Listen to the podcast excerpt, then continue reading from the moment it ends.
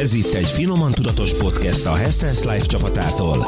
Porkoláb Eszterrel, Lipcsei Bettával és vendégeikkel. Íme a legizgalmasabb percek. Ha a szezonalitásról beszélünk így a, a konyhát tekintve, akkor első körben olyan alapanyagokat választunk, ami az adott szezonban, mondjuk egy őszi, tavaszi, téli szezonban megterem.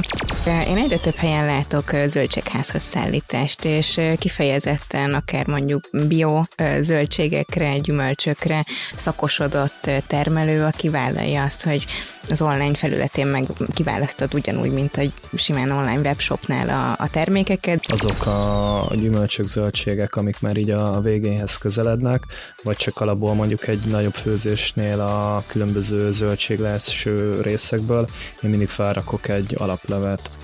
Egy salátánál minél, minél több különböző alapanyagot használunk, zöldséget, gyümölcsöt, magvakat izgalmasabbá teszi, illetve ami, ami még plusz izgalom lehet benne, hogyha az ember picit játszik a textúrákkal. Miért van ez a hype az édesburgonya, mert édesburgonyának? Tehát, hogy jobb a, nem tudom, a marketingje? Jó, jó a PR-ja egyébként. A podcast megtalálható az Apple podcastek között. Ha ott jártok, kérjük értékeljétek is a műsort a feliratkozás után, hogy mások is könnyen felfedezzenek. A Spotify-on pedig csak keresetek rá, hogy Finoman Tudatos Podcast, és már is be tudjátok követni csatornánkat. Sziasztok, köszöntök mindenkit, ez a Hester's Life podcastje. Én Lipcsei Betta vagyok, és itt van velem Porkoláb Eszter, a Hester's Life tulajdonosa, dietetikus. Sziasztok, üdvözlök mindenkit! Ez már a 16. adásunk, és mielőtt még a mostani adásról beszélnék nektek, muszáj megemlítenem az előzőt, ahol az időszakos bőjtről beszélgettünk. Nagyon hasznos tanácsokat adott egyébként most is Eszter, és jelentem én kipróbáltam ja, a 24 órásat. Akartam kérdezni. Én annyira meghoztad a kedvemet, hogy úgy voltam vele, hogy, hogy kipróbálom, már csak azért is, hogy tudjak róla beszélni, meg azért is, mert kíváncsi voltam rá.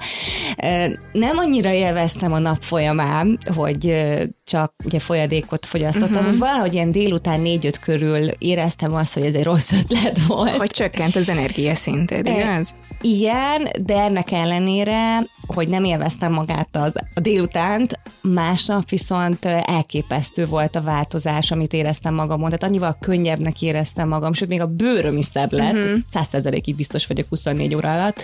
Úgyhogy tényleg nagyon jó volt a változás. Lehet, hogy egy ilyen 8-16-ossal kellett volna kezdenem először. Igen, azt ugye beszéltük is, hogy ez a kapuja igazából az egész időszakos bőjtnek a 8-16, és, és kevesebben is tolerálják a, a 24 24-es bőjti időszakot, pontosan emiatt, mert egyszerűen délutánra, mert sőt, hát jobb esetben délutánra van, akinek már tényleg kora délelőttre elfogy az energiája. De mondom, annyira jó volt a hatása, hogy biztos, hogy majd egy egyszer-egyszer uh-huh. pár havonta be, beiktatok egy, egy bőjti napot, vagy egy bőjti időszakot, mert tényleg nagyon jó hatással volt. Úgyhogy hallgassátok meg az előző adásunkat, hogyha még nem tettétek, mert tényleg nagyon jó kis praktikákat hallhatunk.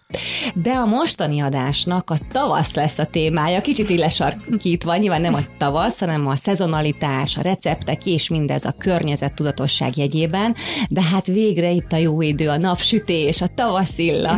Mit jelent neked a tavasz, Eszter? Hát nekem szerintem, mint mindenkinek a megújulást, meg ezt a kibontakozást, én nagyon-nagyon szeretem azt, hogy végre már hosszabbak a nappalok, és tényleg nem az van, hogy délután négykor már kijövök az irodából, sötét van, és beülök a kocsiba, és hazamegyek, és mindenhol igazából lámpafénynél vagyok, hanem, hanem tudom élvezni ezt a napsütéses időszakot, úgyhogy ezt én nagyon élvezem, meg, meg a jó időt, tehát az, hogy már kicsit melegebb van, kicsit többet lehet kint lenni a szabad levegőn, van is kedvem kint lenni, úgyhogy ez, ez mindenképpen jó, és hát amire most majd ki is fogunk térni, azok a szezonális alapanyagok, receptek, tehát hogy ezekben megint szerintem egy tök nagy lehetőség van, és az ember újra így nekiugrik a, a kísérletezésnek, és én ezt is élvezem benne.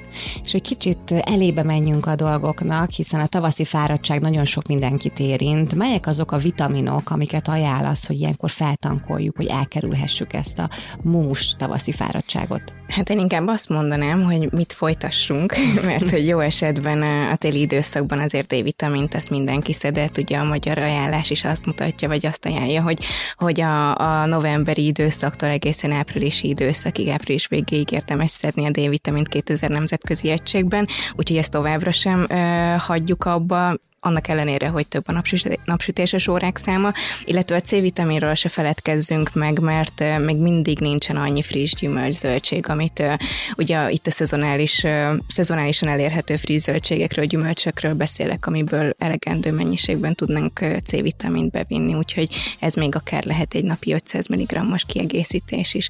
Egyébként még ami ilyenkor jó lehet, és kicsit ezt a tavaszi fáradtságot tudja ellensúlyozni, akkor akár egy génzenkúra, nagyon kis cuki ampullákba lehet kapni folyékony génzenget, és ez bizonyítottan serkentő hatású így a, fun- a mentális tevékenységre, kognitív funkciókra, kicsit teljesítményfokozó hatása is van a sportban, úgyhogy ez lehet akár egy ilyen titkos étrendkiegészítője is a tavaszi első időszaknak, vagy korai időszaknak. És hogyha már a friss zöldségeket, gyümölcsöket említetted, akkor most már bemutatom nektek mai vendégünket, Farkas Rihárdot, a Pajta séfjét. Köszönjük szépen, hogy eljöttél. Én köszönöm, sziasztok, üdv mindenkinek. Beszéltünk arról, hogy itt a tavasz legalábbis most már tényleg elkerülhetetlenül közeledik. Melyek azok a hozzávalók, amelyek ilyenkor mindenféleképpen ott kell, hogy legyenek az asztalunkon? Hát én úgy gondolom, hogy talán a, a tavasz legelső eltő hírnöke, amit most már múlt hétvégén, igaz, hogy még csak 8-10 centis hajtásokat, de medvehagymát szedtünk, illetve az étterem mellett most már megcsapoltuk az első nyírfákat, úgyhogy ez, ez mindenképp a tavasz első jele. És mit csináltok a nyírfából lecsapolt nyírfa vízzel, vagy a nyírfavíz, ez egy nagyon hosszú időkre visszanyúló tradicionális dolog, ugye viricselésnek hívták a, a, az elődeink, és azon kívül, hogy nagyon klassz, egy, egy igazán üdítő és friss dolog. Mi ezt a konyhába használjuk például apró csepp alakú kis gumicukrot készítünk belőle, ami utódesszertként hűtött mhm. köven érkezik a vendégeknek, illetve ami egy picit extrémebb, hogyha mondjuk sikerül annyit összegyűjtenünk, ezt folyamatosan csapoljuk a fákat, és mondjuk 50 liter szép lassan elkezdünk visszaredukálni, akkor egy pár nap elteltével lesz belőle mondjuk nagyjából ilyen fél liternyi nyírfavíz szirupunk, ami gyakorlatilag teljesen megegyezik a, a juhar sziruppal. Nagyon jól hangzik. Most így hirtelen így ilyes is lettem, hogy szóba került a, a juharszirup, de ha jól értem, akkor inkább abból főztök, amitek van szezonálisan, és nem az van, hogy te a hasadra csapsz, hogy most én akkor ilyen receptet szeretnék az étlapra, és akkor ezt keressük meg, vagy vegyük meg, vagy rendeljük meg, nem mondok valami csajága röcsögéről, hanem megnézed, hogy mi áll rendelkezésre. Igen, ugye nekem a, az őrségben való munka során ez volt a legnagyobb felismerés és tanulság, hogy nem én mondom meg, hogy miből főzök, hanem gyakorlatilag a, a szezonalitás, a termelő és a, a régiók. Tehát a természet adta lehetőségeket kihasználjátok, Így és van, igazából ennek módon. az erejével. És itt jön be az, amiről beszéltünk, és a környezettudatosság, hogy úgy főzzünk, úgy éljünk, hogy minél kevesebb felesleges élelmiszer maradjon utána. Uh-huh. Ehhez kapcsolódik szorosan a szezonalitás? Hát így van, tehát hogyha a szezonalitásról beszélünk így a, a konyhát tekintve, akkor első körben olyan alapanyagokat választunk, ami az adott szezonban, mondjuk egy őszi, tavaszi, téli szezonban megterem, és nem üvegházi körülmények között termesztik. Ugye ezeknek a zöldségeknek, gyümölcsöknek a tápértéke, vitamintartalma sokkal magasabb, és sokkal ízesebbek is, tehát finomabbak, amik természetes körülmények között teremtek. Illetve hát, ha már környezetvédelem, akkor amellett nem menjünk el, hogy bizonyos trópusi, meg déli gyümölcsök, mondjuk egy banán, mangó importálása mekkora ökológiai lábnyommal jár, és hogy ez mekkora terhet ró a környezetre. Úgyhogy én azt szorgalmazom, hogy, hogy nyilván most nem vetek meg senkit azért, mert egy-egy mangó lesz itt megenged magának, de hogy, hogy összességében, többségében törekedjünk arra, hogy szezonális zöldségekből, gyümölcsökből válogassunk, ami mondjuk ebben az időszakban nem annyira sokrétű, vagy nem olyan széles a spektrum, mert inkább a gyökér zöldségek, gumos zöldségek vannak most inkább soron, aztán majd az áprilisi, májusi időszakban jönnek a, a ha mondjuk az epret nézem, vagy a zöld borsót, akkor már lehet kicsit kreatívabban is, meg többféle gyümölcsöt is, zöldséget is választani. De hogy most, most egy, egyelőre szűkebb a, a választás. Mondjuk, ha gyümölcsöt nézem, akkor a klasszik alma körte, ami egyébként az év minden hónapjában elérhető, de, de én azt gondolom, hogy magyar emberként ezeket én nem is tudok embert, aki mondjuk nem szereti a, a körtét vagy az almát. Öcsém. Öcsém. Na, már találtunk is egyet. De Ricsi, arra lennék kíváncsi, hogy volt olyan zöldség mondjuk, amit te nagyon szerettél volna, körbejártatok a környéken, az őrségbe, és sehol nem találtál olyat, ami megfelelő, és mondtad, hogy jó, hát akkor itt a kiskert, akkor most Ricsi elkezd termeszteni. Igen, igen. Bizonyos, nem tudom, milyen színű, milyen kis retket, vagy valamilyen különlegességet. Igen, igen, sikerült eltalálnod, hogy ugye azért Budapest és Barcelona után az emberbe benne voltak bizonyos reflexek, hogy mondjuk nagyon szeretnék száz darab egyforma színes bébirépát, vagy éppen bébicéklát, csak gyakorlatilag ez, ez nálunk a régióban így nem volt, vagy nem volt, aki, aki megtermelje, és akkor ez egy elég hosszú út volt, amíg mondjuk ezt elkezdtük saját magunknak előállítani, vagy megtaláltuk azokat a partnereket, akik, akik ezt megtették nekünk, viszont másik részről megjött, hogy az ember elmélyült a, a régióba, a szezonális és regionális dolgokba, és mondjuk talált a, a vágyott dolgok helyett más például, amikor decemberben az egyik legnagyobb ilyen hihetetlen felismerés volt, amikor mentünk az őstermelői kispiacra, és fürtökben állt a mézédes zalai baby kiwi, vagy életem legjobb fügéje, amit lentiből szoktunk mindig frissen hozni, gyakorlatilag veri az olasz és a mediterrán gyümölcsöket. De érdekes. Mm-hmm. Ezt neked van otthon egyébként ilyen kis magas ágyásod? Tudom, hogy lakásban laksz, de hogy ott nincsen ilyen kis mini, mini kerted. Bazsalikom van. Hát az is Nincsen sajnos. Egyébként nálunk egyébként van rá törekvés.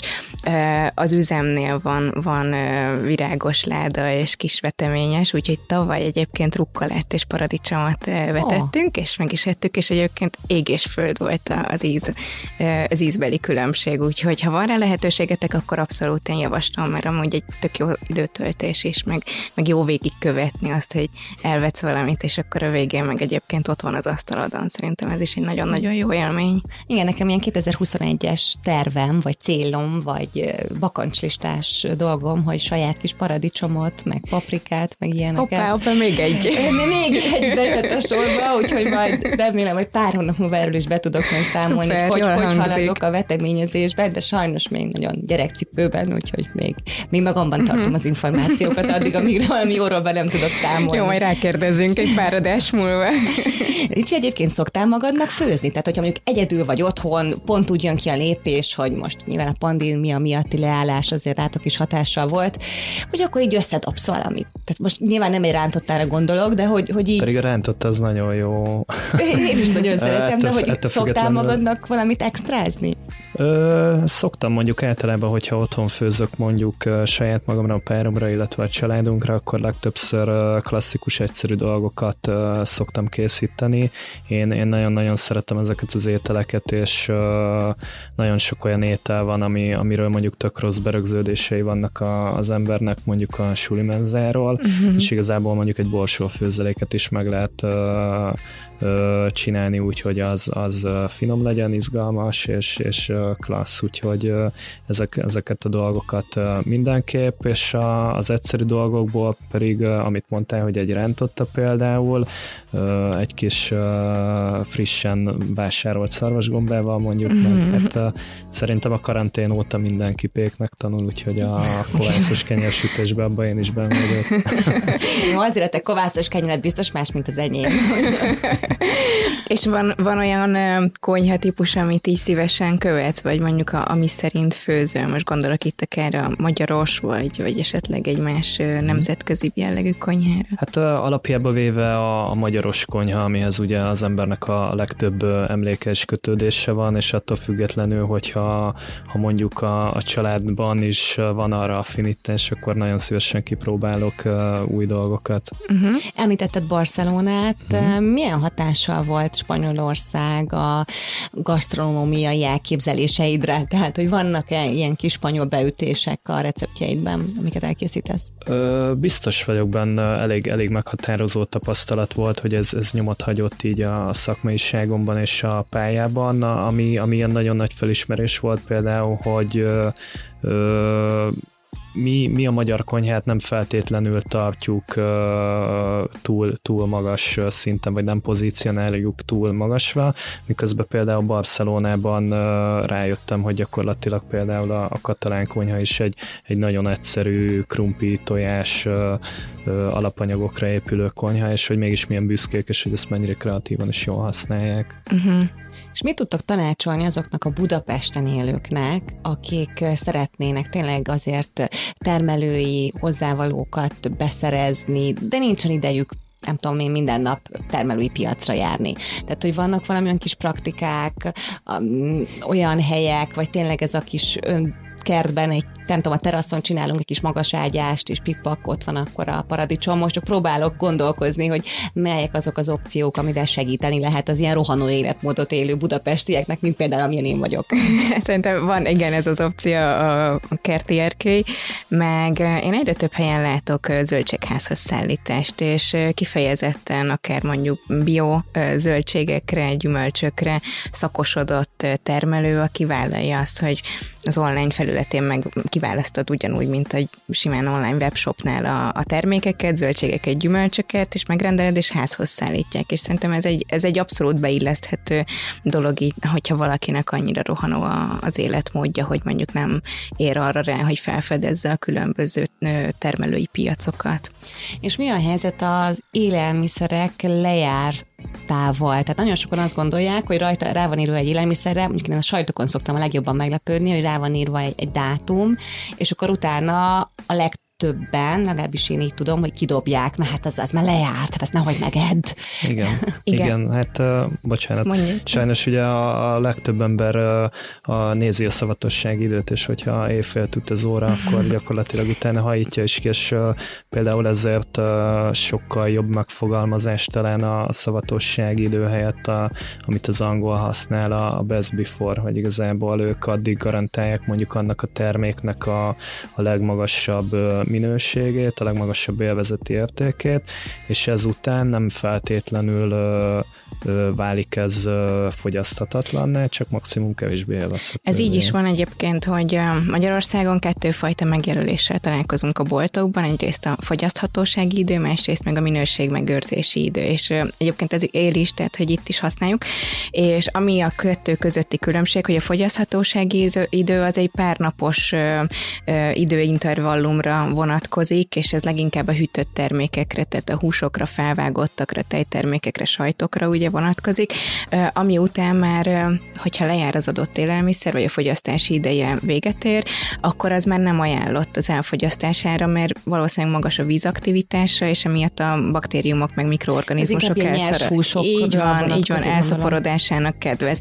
Viszont, ahol a vízaktivitás meg a víztartalom viszonylag alacsonyabb, vagy mondjuk egy tartósított áru, mondjuk egy konzerváru, vagy egy befőtről van szó, ott viszont maga a technológiának köszönhetően az eltarthatóság ideje az, a sokkal hosszabb, és akkor itt jön szóba ugye a minőségmegőrzési idő, ahol a gyártó addig az időpontig, a csomagoláson jelzett időpontig vállal garanciát az adott termék minőségére, de ez nem jelenti azt, hogy akkor ott a szavatossági idő az, az le is jár, hanem itt ilyenkor meg kell vizsgálnunk, hogyha van ilyen a háztartásban, hogy milyen a színe, milyen az illata, milyen a halmazállapota, és hogyha valami gyanús, akkor már ne fogyasszuk el, de hogyha ezeken a vizsgákon, az úgynevezett érzékszerű vizsgálatokon ugye átmegy a, az adott élelmiszer alapanyag, akkor nyugodtan elfogyaszthatjuk. Tehát, hogy ennek én nem látom okát, hogy, hogy azt akkor dobjuk ki, mert ez pazarlás, és egyébként rengeteg élelmiszer dobunk így is, hogy, hogy egyrészt túlvásárolunk, tehát hogy nem megfelelő mennyiségben vásárolunk,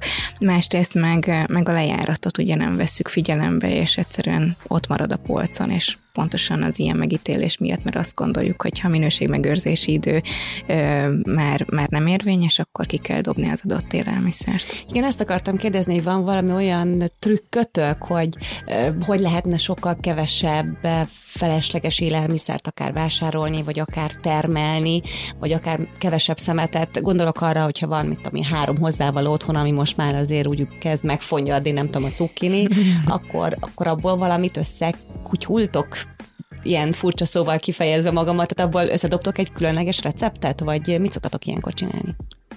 Hát talán, talán amit én otthon is alkalmazni szoktam, és mindig mindenkinek ajánlani szoktam, hogy mondjuk azok a, gyümölcsök, zöldségek, amik már így a, végéhez közelednek, vagy csak alapból mondjuk egy nagyobb főzésnél a különböző zöldségleső részekből, én mindig felrakok egy alaplevet, ami mondjuk utána nagyon jól eltartató a fagyasztóban, Ugyanezt és a, a következő mondani. főzésnél ezzel gazdagítani tudjuk uh-huh. a, Mhm. a következő ételünket, úgyhogy uh, szerintem ez egy nagyon egyszerű dolog.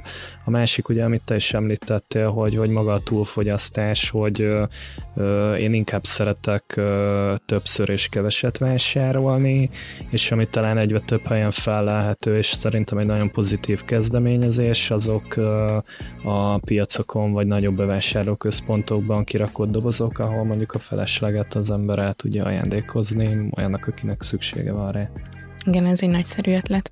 Egyébként én, én új recepteket csinálok, tehát pont a hétvégén pakoltam ki a hűtőt, és találtam egy csomó almát, ami nem ízlett, így frissen, amúgy tök szépek voltak, semmi bajuk nem volt, de tudtam, hogy én nyersen nem fogom megenni, meg smoothie-ba se annyira ízlett, úgyhogy sütöttem belőle egy tök egyszerű almás sütit, és akkor ilyenkor tökre Ilyenkor miért nem megmenthető. nekünk az almásütit? Ez a kérdés.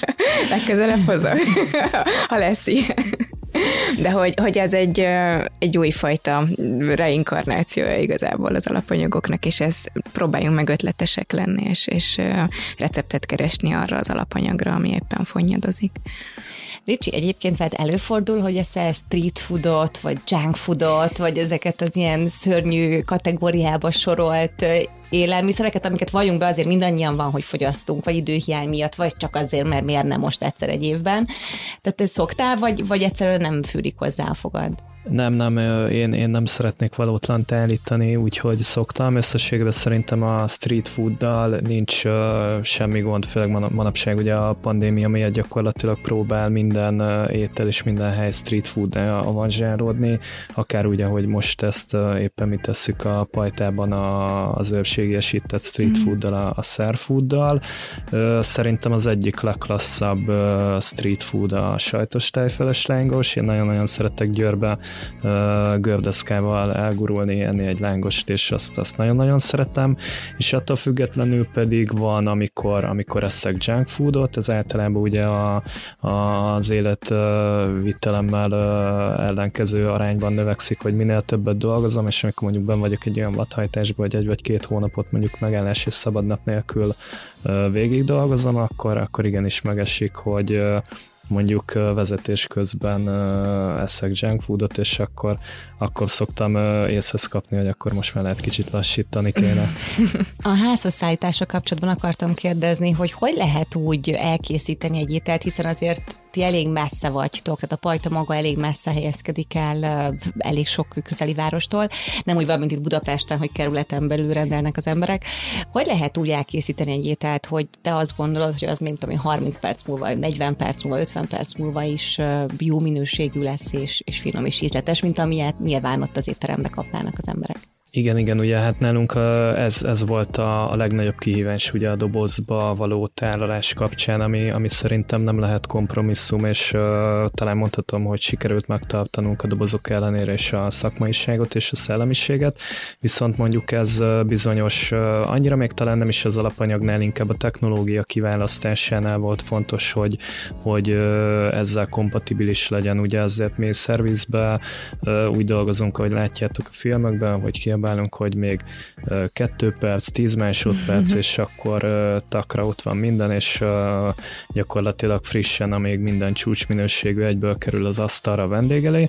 Most ezen kicsit változtatni kellett, úgyhogy például olyan dolgokat, mint az eleminűt melegített különböző habok, ezeket mondjuk egy desszertnél lecseréltük egy, egy masszívabb musszálagra, úgyhogy gyakorlatilag itt kellett egy nagyon picit változtatni az étel összetevőin.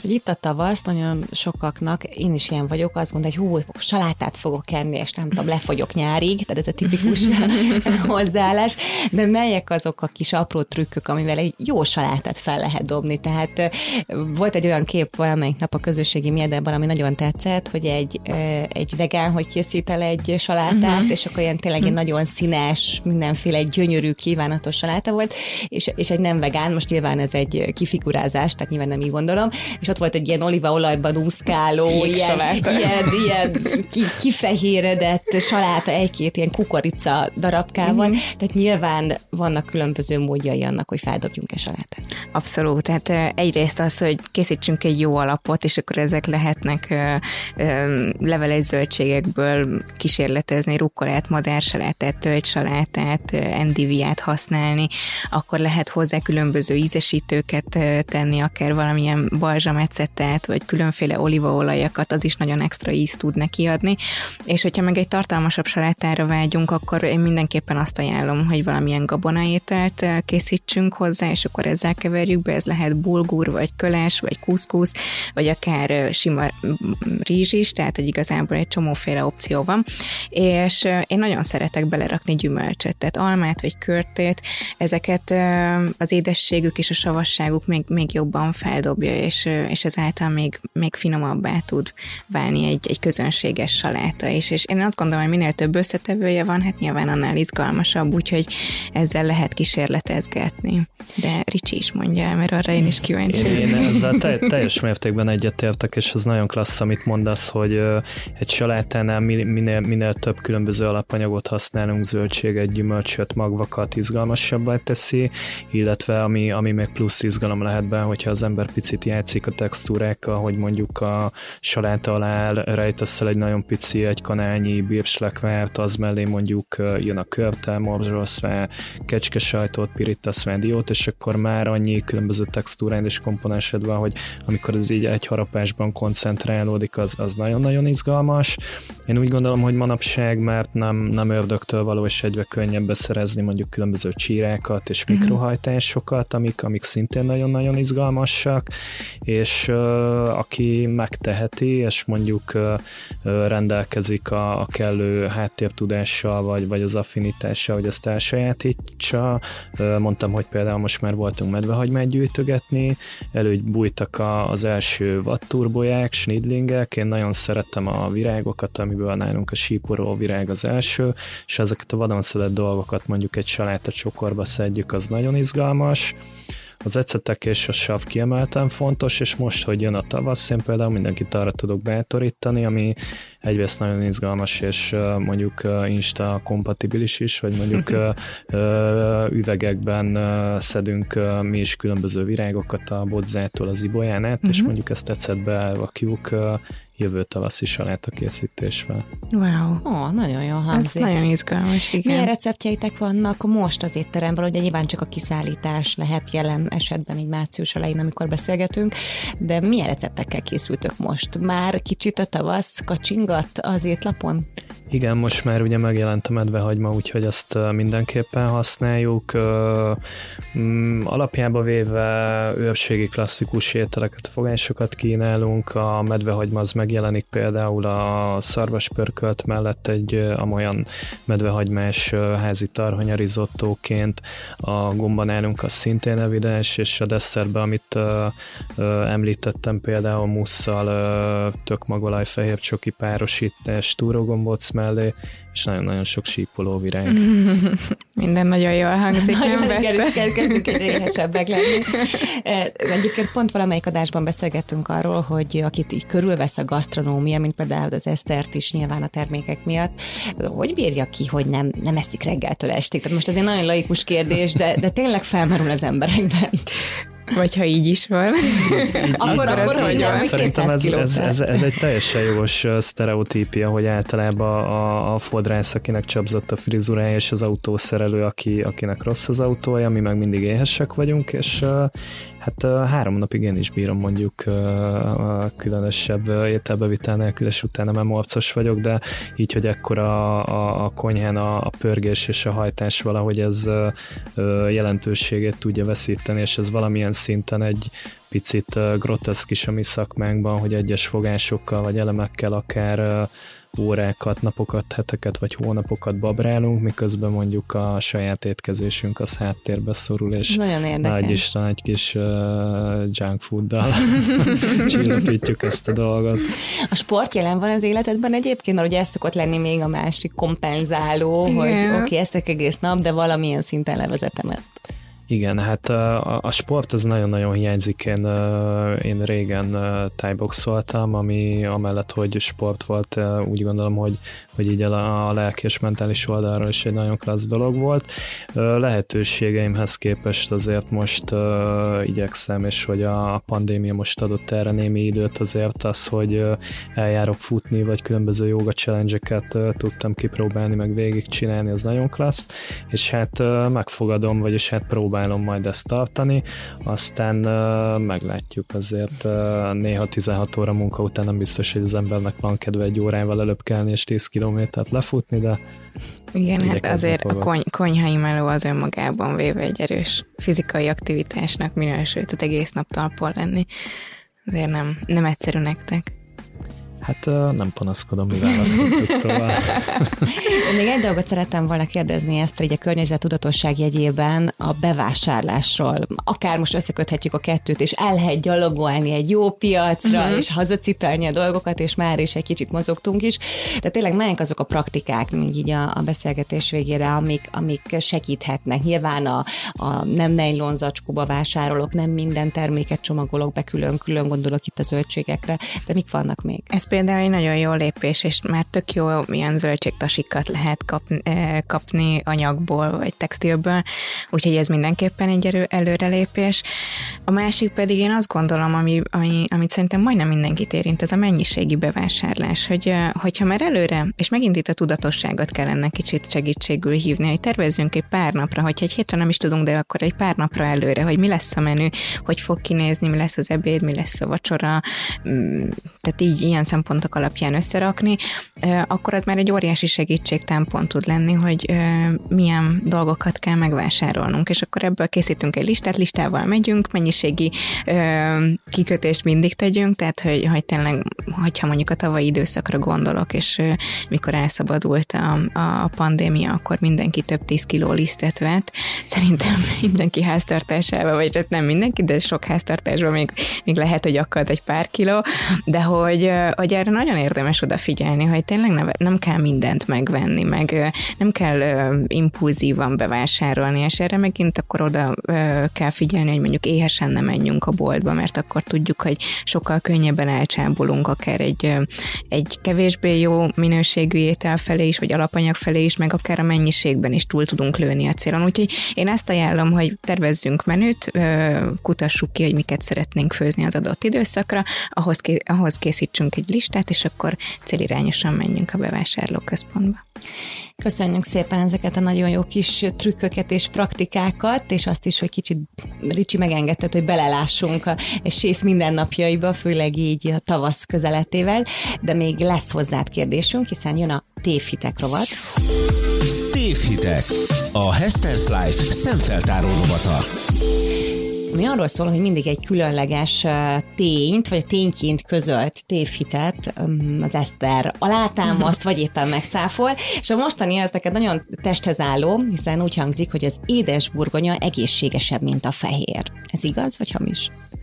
Hát én úgy gondolom, hogy talán ezt, ezt mondhatjuk, hogy hamis, illetve ez egy több, uh, több pólusú, több komponensű kérdés, ugyanis számít, hogy például milyen az az édes burgonya, hogy biót vásárolunk, nagyiparit, milyen burgonyához viszonyítjuk, ahogy mondtam, picit a burgonya azért egy ilyen hányattatott sorsú zöldség, ugyanúgy, mint a sárgarépa, amit annó honosítottak nálunk ugye a hollandok, és azt mondták, hogy a narancssárga az tuti, és mondjuk a másik 150 fajtát azt el is felejtették, és ugyanez igaz a burgonyára, aminek az őshazájában, Dél-Amerikában több, több mint ezer fajtát tartanak számon, amik teljesen vadon és, és organikusan nőnek, úgyhogy összességében talán ezt mondhatjuk, hogy azonos a, a két alapanyag, talán a, a beta-karotin tartalom, ami úgy, úgy megkülönbözteti, de én, én azt gondolom, hogy teljesen mindegy, hogy burgonyát vagy édes burgonyát vásárolunk, akkor, akkor vásároljunk termelő és, és bioburgonyát, vagy Így édes burgonyát. És akkor egyébként szerintem Ricsi nagyon szépen megválaszolta a kérdés, és abszolút a igen, igen. Így van egyébként, nagyon tápértékben nem tér el a kettő egymástól, tehát miért van ez a hype az édesburgonya, mert édesburgonyának? Tehát, hogy jobb a, nem tudom, a marketingje? Jó, jó a PR-ja egyébként, igen, igen. De, de amit a Ricsi is mondott, hogy a, a beta-karotin tartalma magas, ugye ez adja a színanyagát.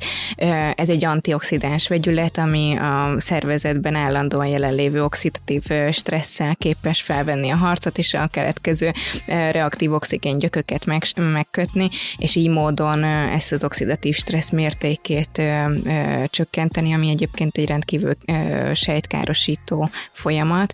Úgyhogy, hogyha így különbséget kell tenni a két burgonya tekintetében, akkor ez mindenképpen az édes burgonya számlájára írható pozitív értelemben, de nincsen benne kevesebb kalória, nem kevesebb a szénhidrát tartalma, közel azonos a, a vitamin tartalmuk, tehát, hogy olyan lényegi különbség nincs a kettő között, felhasználásban már inkább, tehát hogy nyilván az édes burgonyának, ahogy a neve is mondja, egy édesebb karaktere van, más típusú ételekhez illik, szerintem nagyon jól lehet vele kísérletezni, vagy akár mondjuk egy rakott burgonyát is meg lehet vele csinálni, és egy teljesen más típusú ételt fogunk kapni, tehát de ezt meg majd Ricsi fogja tudni jól megmondani. A neve, hogy... a neve azért elég megtévesztő, hogy burgonya, miközben mondjuk közelebbi rokonságban áll például a sütőtökkel, és ezért, hogy nem burgonya, és például nem tartalmaz annyi vagy úgy keményítőt, kevésbé alkalmas arra, hogy például hasább burgonyát süssünk belőle, és valamiért ugye mindenki ezzel próbálkozik, és Igen.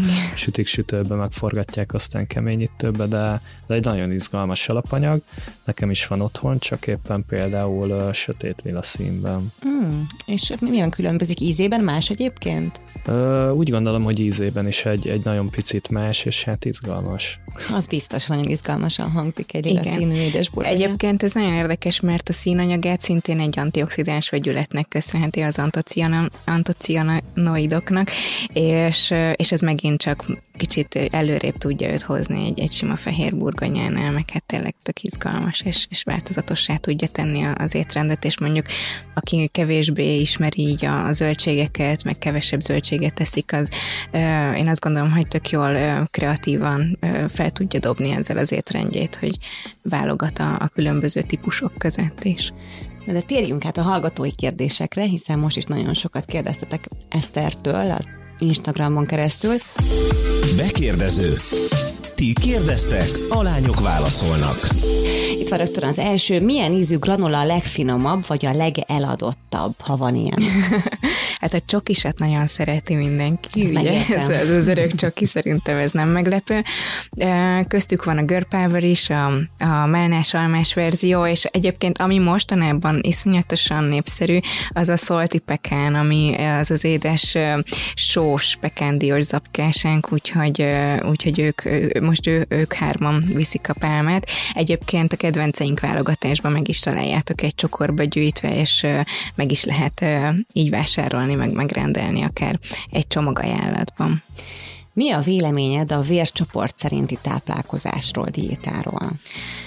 Hát egyrészt az, hogy ez megint egy divat diéta, és akkor a neve jól mutatja, hogy, hogy a tudományos alátámasztása az nem sok. Itt arról van szó, hogy a különböző vércsoportokat, ugye az A, a B és a nullás, az AB és vércsoportok szerint szétszedi a, a diéta költője a, az étrendeket, és azt ajánlja, hogy mondjuk a, az ás az egy gabona alapú étrenden éljen, a B-snek a tejtermékek nagyon jók, hiába laktózérzékeny, vagy mondjuk hiába nem tolerálja jól a tejtermékeket, neki mondjuk akkor is az ajánlat, tehát egy abszolút nem veszi figyelembe.